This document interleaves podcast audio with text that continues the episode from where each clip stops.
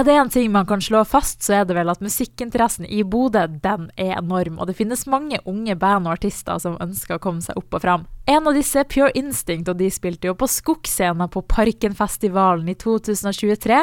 Nylig var de også support når Simen Everdal hadde slippkonsert, og nå til helga skal de spille på Bodø Jazz Open. I dag så har vi med oss Eline Enger og Magnus Mathisen fra Pure Instinct. Velkommen. Tusen takk. takk. Dere skal eh, nå på lørdag og på søndag spille sammen med Bodø Jazz Open. Kan dere fortelle hva som skal foregå? Ja, eh, på eh, lørdagen så skal vi fremføre på City Nord. På en scene som blir satt opp utafor XXL klokka tolv. og på søndagen så skal vi spille i en lavvo, en svær lavvo som blir satt opp på Rådhusplassen klokka ett. Um, vi gjorde det her i fjor, og så har vi blitt så heldige å bli spurt om vi har lyst til å spille med på Jazzopen i år også. Mm. Hva kan man forvente fra konsert? Nei, Vi skal nå spille rundt 45 minutter, så vi har nå koka sammen et godt sett på mm. både lørdag og søndagen. Så vi håper nå at uh, folk kan komme over på både gamle og nye låter. Så å får litt blanding av uh, både energi og litt pop og litt rock og mye blues fra gitaristen her. um, og ja, også litt, uh, litt roligere låter. Så må jeg jo spørre deg, Sist dere var her, så skulle dere jo spille på Skogsscenen på Parken. Mm. Hvordan gikk det?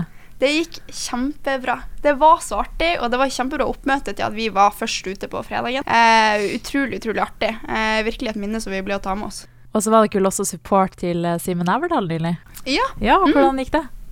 Nei, det gikk bare fint. Det var nå god stemning på beddingen. Altså, vi var utrolig imponert over mm. det publikummet. Mm. Det var ordentlig god energi, så det var veldig artig å Altså ha oppvarming for en sånn type konsert. Det, det er jo noe skryt å komme til Bodø-publikum, hvor flinke de er å ta imot artister de aldri har hørt før også. Ja. Mm. Det var det som var så, altså, en positiv overraskelse når vi kom til Parkenfestivalen. Hvordan folk vi aldri har sett før, tok oss imot veldig godt. Og så lurer jeg på Hva er planene deres nå framover? Um, vi, har, uh, vi har ikke så veldig mye spillejobber framover. Men uh, vi har jobba veldig mye med å um, få ut musikken vår.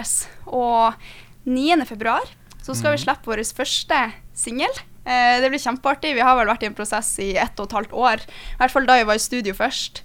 Um, så ja, 9.2 så kommer vi ut med vår første låt. Så vi holder på med promoteringa der. Hva den handler om? Den handler om um, eh, hvordan man kan bli litt gal i et forhold. Eh, og det at kjærligheten ofte tar litt mer over enn fornuften, da. At man gjerne er sammen med noen selv om de mm. gjør deg gal. Den eh, heter altså 'Driving Me Insane'. Og det er jo en av de låtene som vi skrev først som mm. band i lag. Så det er jo det som er artig, han har fulgt oss på hele reisen. Og det er jo en av de publikum kommer til å kjenne igjen òg. Den ja. har vi spilt i over ett og et halvt år nå. Mm, vi var jo 16 år da vi skrev den. Det er jo snart to mm. år siden vi skrev låta, og nå er vi jo 18. Eh, så det er litt rart å tenke tilbake at det er såpass lenge siden vi skrev den. og det er fortsatt en av de vi er mest fornøyd med. Ja, akkurat. Så derfor føler vi at det er riktig å slippe den først. Mm, absolutt. Og Sist dere var her, så sa dere jo litt at dere hadde kjent hverandre ganske lenge, siden barneskolen. Hvordan har det vært å spille i band sammen? Har det påvirka vennskapet positivt, negativt, eller har det gått helt fint? Ja, altså, jeg syns jo at det var en veldig stor pluss at vi kjenner hverandre godt fra før av. Det er jo kjempeartig tilfeldighet at alle vi som er venner, hadde musikk som en felles interesse. Um, og det har jo egentlig bare gjort at vi har uh, kommet hverandre nærmere. Også litt det der med at forholdet vårt er ikke bare et band, at vi faktisk også er venner. Uh, sånn at det blir ikke bare profesjonelt, vi kan fortsatt ha det artig. Og så over til noe litt annet som jeg kjente at jeg trengte et lite oppfølgingsspørsmål på. Yeah, okay. Forrige gang dere var her, så spurte jeg dere hva det verste dere kunne spise var, og så sa du, Line, oliven, og at du hadde en forferdelig historie med oliven. Så jeg var litt nysgjerrig på hva den forferdelige historien var. Jeg skal fortelle den, å ja. herregud. Um, det høres jo kjempebarnslig ut, for det er så mange år siden, og jeg er jo ikke en sær eh, spiser, hvis man kan si det. Altså, jeg spiser det meste. Mm. Men jeg hadde en traumatisk opplevelse da jeg var hva da, sju år, uh, på ferie med familien min i Stockholm. Og så hadde vi eh, kjøpt en sandwich på en kafé. Og som oftest, som man ser i TV-serier osv., så, videre, så har du en oliven som står på toppen. Lille meg trodde det var en drue, så jeg spiste den. Og jeg spytta den ut med en gang og løpte på do. Og det, jeg, det var mer bare fordi jeg var forberedt på at det var en drue.